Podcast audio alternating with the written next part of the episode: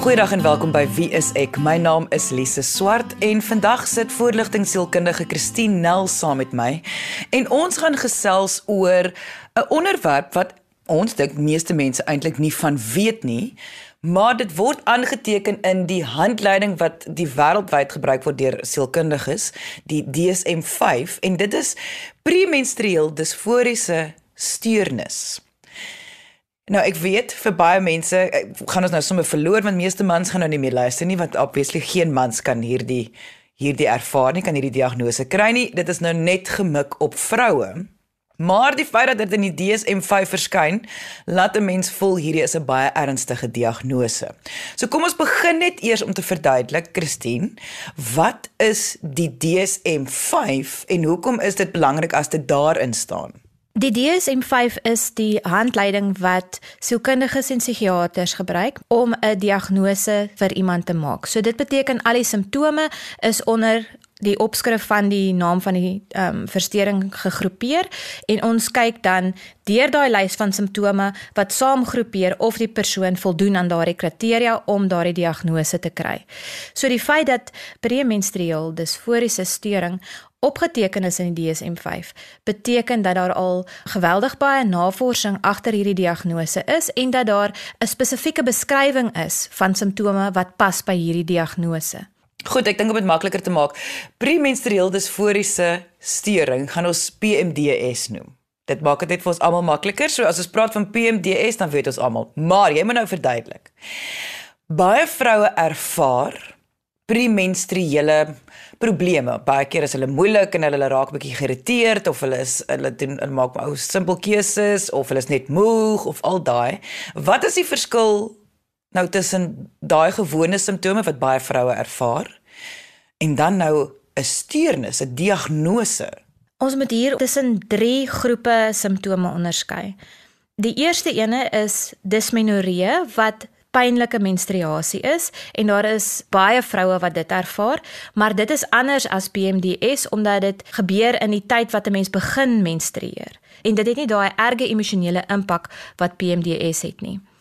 Dan is daar PMS en ons premenstruele sindroom en dit is 'n baie ligter weergawe van PMDS. So daar's 'n groter groep van vroue die, die navorsing um, sê omtrent so 20% van vroue ervaar sekere simptome van miskien oor emosioneel of 'n bietjie meer geïrriteerd of het dalk sekere cravings vir sekere kosse in die week voordat hulle begin menstrueer maar dit het nie so 'n groot effek soos iemand wat voldoen aan die PMDS kriteria nie.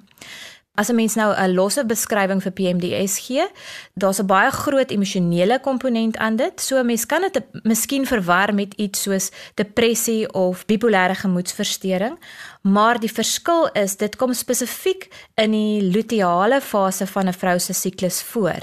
Dit beteken dit is die tydperk tussen ovulasie en menstruasie. So dis baie belangrik dat dit in daardie tydperk gekoppel is. En die DSM-5 sê ook vir ons dat die simptome in meeste van die persoon se siklusse moet voorkom. So dit is nie 'n uitskieter hier en daar nie. Dit moet meeste van die tyd in 'n spesifieke fase in die siklus voorkom. En die simptome waarvoor ons kyk is emosionele onstabiliteit, wat daai mood swings is, wat 'n mens nou voel jy sis, nou voel jy so, jy raak skielik hartseer, skielik tranerig en jy voel maklik verwerp. Dan ook verhoogde woede of irritasie of jy voel krapperig en jy soek maar net heeltyd vir moeilikheid. Hmm. Dit is ook hier waar mense gewoonlik vir jou sê, "O, dis daai tyd van die maand." En as dit nou nie is nie, is dit nou eintlik juis 'n soos 'n bom wat bars vir baie vrouens as hulle nou dink hulle is eintlik normaal in die normale fase van die maand. Hmm dan is daar ook 'n depressiewe gemoed of 'n hopeloosheid of 'n um, 'n tydperk wat 'n vrou, vrou regtig sleg voel oor haar eie waarde, dalk selfs haar voorkoms en angs en spanning kan voorkom en en heeltyd so half op die edge voel van krapperigheid. Party vrouens voel asof hulle regtig op 'n baie dun lyntjie loop, miskien soos 'n mespunt wat hulle voel hulle gaan mal raak. Hulle voel hulle gaan hulle hulle verstand verloor. So dit is regtig 'n 'n baie ernstige impak wat dit op 'n mens se gemoed het. En dan is daar nog ander simptome wat ook saam met dit gaan, soos byvoorbeeld af, afname in belangstelling van dinge wat jy gewoonlik sou geniet het. Sukkel om te konsentreer, sukkel om te onthou, taamheid, moegheid, gebrek aan energie. Dit affekteer dalk ook jou aptyt dat jy begin ooreet of krywings kry vir spesifieke kosse. Ehm um, dit kan jou slaap affekteer. So hier kan 'n mens hoor dat dit baie soos 'n depressiewe episode klink. Mm. Ehm um, want mense sal oorslaap of hulle sal sukkel om te slaap en 'n gevoel van oorweldig of buite beheer en dan is daar baie keer ook fisieke simptome soos vrouens sê hulle voel opgeblaas, hulle sukkel met waterretensie, hulle borste is seer, daar's spierpyn, gewrigpyne. So dit affekteer regtig verskillende fasette van 'n vrou se lewe op 'n ernstige vlak. En wat belangrik is is om te te sê of dit merkbare ongemak veroorsaak en die persoon se funksionering beïnvloed. Party vrouens kan min of meer die kar op die pad hou en dit affekteer nie hulle verhoudings of hulle werk so erg nie, maar dit veroorsaak nog steeds ontsettende ongemak. Dan sal dit nog steeds voldoen aan die kriteria vir die verstoring. Die luteale fase waarin hierdie voorkom, soos ek dit verstaan, is gewoonlik so 2 na 3 weke voor die menstruasie self begin. Nou wil ek weet hierdie simptome wat jy beskryf.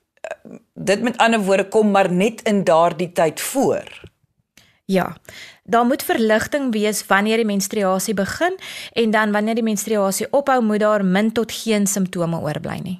So hierdie is van amper sê 'n konteksgedrewe diagnose. Dis nie vir oor die algemeen ek voel die hele tyd so nie.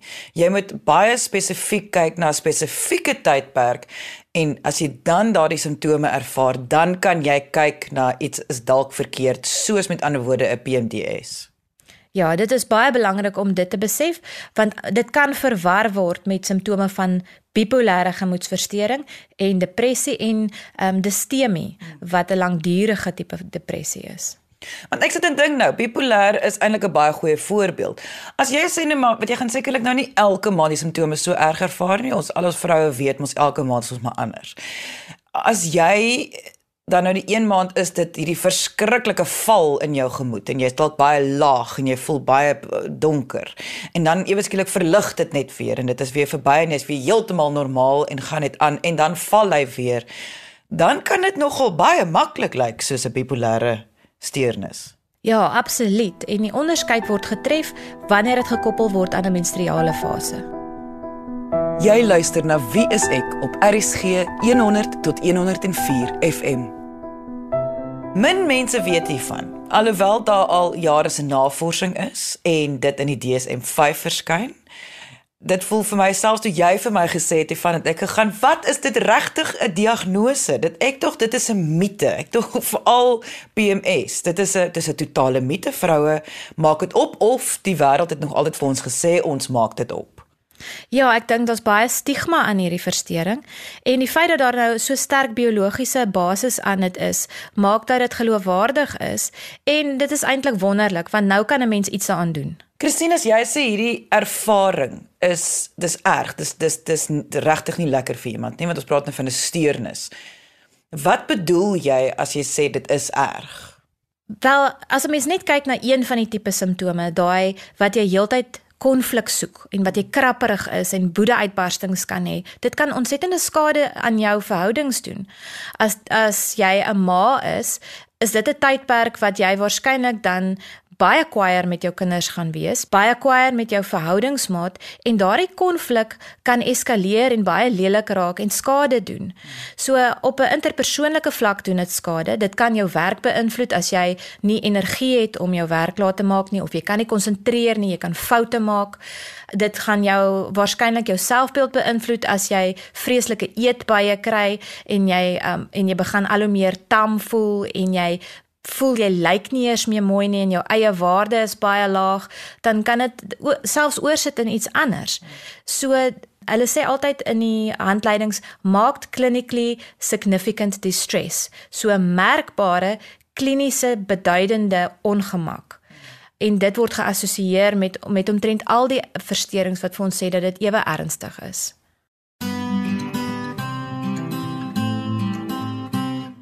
Christine, as jy so verduidelik van die simptome en jy verduidelik van premenstrueel disforie steurnis, PMDS. Wat vir my regtig opvallend is is hoe baie dit lyk en klink na 'n uh, angsversteuring of na 'n depressie. En maar wat vir my nog erger is is om te weet dat mense kan nog steeds 'n depressie diagnose ervaar en hierdie Dis reg, ons praat van 'n komorbiede toestand. So dit beteken dat twee versteurings, twee of meer selfs versteurings gelyktydig kan plaasvind. So dan raak die bestuur daarvan raak 'n bietjie meer gekompliseerd en dan moet 'n mens regtig waar die eh, hulp van 'n psigiater en 'n sielkundige inroep om 'n mens te help om dit te bestuur. Vandag gesels ek en my gas voorligtingsielkundige Christine Nel oor premenstrueel disforie steuring wat ons PMDS noem. Ek weet dit klink na 'n vreeslike vreemde onderwerp en aan die begin van die program het ek gesê dat alle mans kan nou maar iets anders gaan doen want hierdie is duidelik iets wat net met vroue gebeur. Maar die feit dat dit opgeneem word in die DSM-5, dit is die handleiding wat wêreldwyd deur alle sielkundiges en psigiaters gebruik word, wys vir ons hoe ernstig hierdie steurnis kan wees vir sekere vroue. En nou praat ons nie van PMS of enige ander ongemak wat ervaar word tydens die menstruele siklus nie. Hierdie is 'n baie spesifieke steurnis wat met 5% van vroue in die wêreld gebeur. Indien jy nou eens ingeskakel het en meer wil weet oor die simptome wat ons voor die advertensiebreek bespreek het, kan jy die volledige episode gaan aflaai as 'n potgooi op RSG se webwerf by www.rsg.co.za. Maar kom ons luister nou eers verder na my gesprek met Christine Nel oor premenstrueel disforie steuring.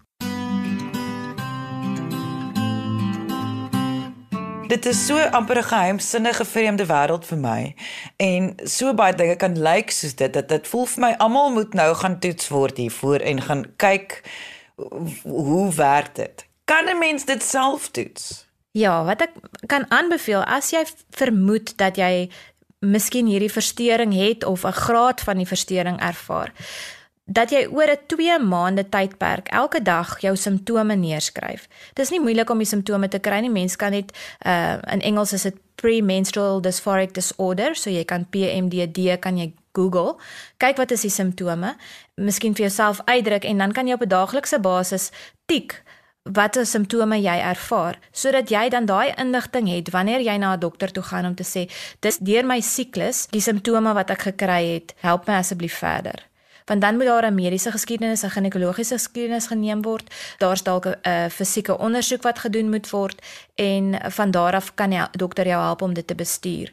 Dit is dalk ook 'n goeie idee om 'n sielkundige aan boord te kry om jou help om die emosionele kant van die saak te bestuur. Want om eienaarskap te aanvaar vir enige verstoring wat 'n mens het, is die sleutel om dan dit effektief te kan bestuur. Ek sal graag wil jy moet daai bietjie meer verduidelik die eienaarskap aanvaar. Dit ek ek in my kop verstaan ek wat jy sê, maar ek is nie heeltemal seker wat dit alles behels nie. Eienaarskap beteken dat jy aanvaar dit is joune om te bestuur. So as 'n mens eienaarskap van 'n huis aanvaar, dan beteken dit die huis is op jou naam, jy moet daarna kyk en jy moet daarvoor betaal. Dis maar dieselfde met 'n verstoring. Ons kan nie kies wat se versteurings ons ontwikkel nie, maar ons kan kies wat ons daaraan doen. En om te erken dat dit daar is, te aanvaar dat dit daar is en te besef dat ek die enigste persoon is wat self my eie verstoring kan bestuur. Dit is eienaarskap. En sonder dit gaan jy dit nie regtig effektief kan bestuur nie. Hoe ek dit nou verstaan is, ek dink baie keer as julle wil ek nou sê julle sielkundiges praat oor eienaarskap, dink ek aan verslawing. Jy is die een wat die verslawing ervaar. Kom ons sê net maar alkohol. Jy gaan vir hulp. Baie mense gaan na 'n rehabilitasiekliniek toe met die idee hulle gaan nou genees word. Hulle gaan instap by hierdie deure, iets gaan gebeur en hulle gaan eenvoudig net weer uitstap en glad nie meer lus wees om alkohol te gebruik nie. Eienaarskap beteken jy jy aanvaar jy is die persoon, jy julle sielkundiges is net daar om leiding te bied sodat jy kan vaardighede leer om dit te bestuur. Dis baie goed gesê. Ja. Ons is die klankbord. Ons help jou om jou vaardighede te ontwikkel. Ons help jou miskien om blinde kolle raak te sien van dinge wat jy nie besef het daar is of wat jy nie besef het jy doen nie. En ons journey met jou. Ons stap die pad saam met jou. Ons ondersteun jou. Maar op die ou end is jy die persoon wat die keuses maak en ons wil graag hê dat jy dan moet kan voel dat jy effektiewe keuses kan maak en dat jy jou lewe effektief kan bestuur. As mens dan nou praat van PMDS en eienaarskap wat daarvan. Dis nou 'n groot ding want dit voel amper asof jou lyf teen jou draai mos nou. Hier is jy 'n vrou, alle vroue ervaar hierdie en hier het jou lyf teen jou gedraai. Ja, mens kan baie maklik soos 'n victim voel hier. Dat jy die jy is oorweldig deur jou hormone, deur jou liggaam en jy is eintlik vasgedruk in 'n hoek en kan niks daaraan doen nie net daai siening al klaar laat 'n mens eintlik apaties, miskien angstig of miskien woedend en dit help nie regtig om so daarna te kyk nie. 'n Slagoffer is iemand wat ontmagtig voel. So wanneer ons praat van eienaarskap, dan wil ons jou bemagtig. So ons wil daai slagoffer wat in die hoek sit help om op te staan en te besef, maar hierdie is die situasie wat nou in my hande is om te hanteer. Ek het dit nie gekies nie maar ek kan kies hoe ek daarop reageer en wat ek daarmee doen. En kennis is deel van die bemagtigingsproses. So om te verstaan hoe lyk jou siklus, hoe lyk jou pakkie van simptome wat jy het om te bestuur en dan die besluite te maak van watter insette het ek nodig watter mediese ondersoeke moet ek kry, watter uh, medikasie het ek dalk nodig, watter praktiese planne het ek nodig en miskien watter terapie het ek nodig om te leer om my woede te bestuur in daardie spesifieke tydperk of my tamheid of my angs. Ek moet leer om dit te bestuur en dit is glad nie onmoontlik nie. Premenstrueel disforie stering, PMDS dit eh, kom gewoonlik vir 'n paar dae voor jou menstruasie kom dit voor daar in die 2 3 weke periode voor menstruasie in die luteale fase om dit nou reg te stel. Dis daar dit gaan weer weg, daar's verligting en dan gaan jy weer aan met jou lewe.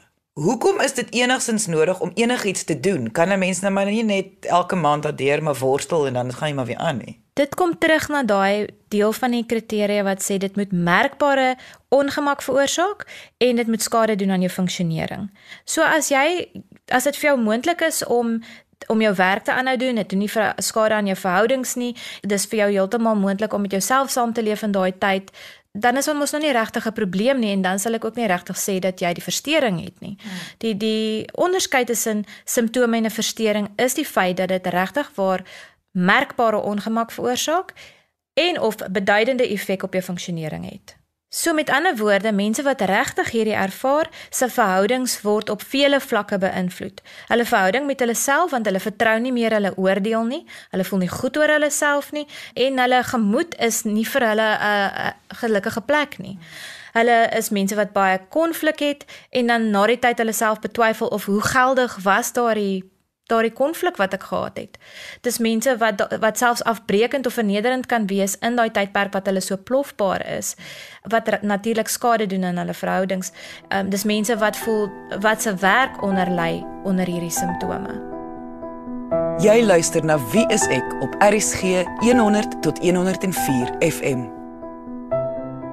Ek dink nou, ek het nou die heel aan die begin gesê mans hoef nou nie te luister vandag nie want hierdie het nou net met vroue te doen.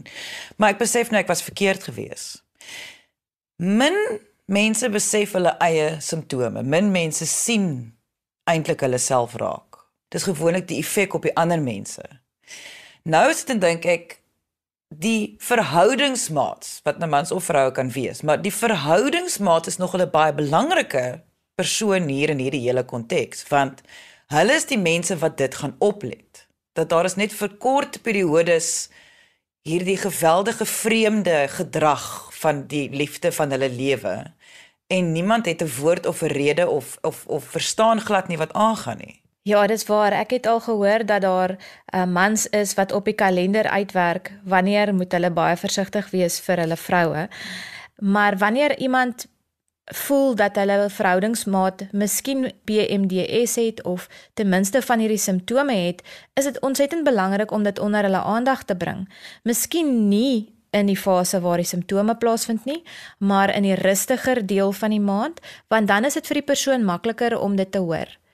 As jou verhoudingsmaat dan na jou toe kom en sê wat hulle sien en vir jou hierdie tipe van terugvoer gee, is dit baie belangrik om ek wil nou sê dit nie te persoonlik te vat nie, want maar dit is persoonlik. So mens kan nie help om dit persoonlik te vat nie. Maar om dit ter harte te neem.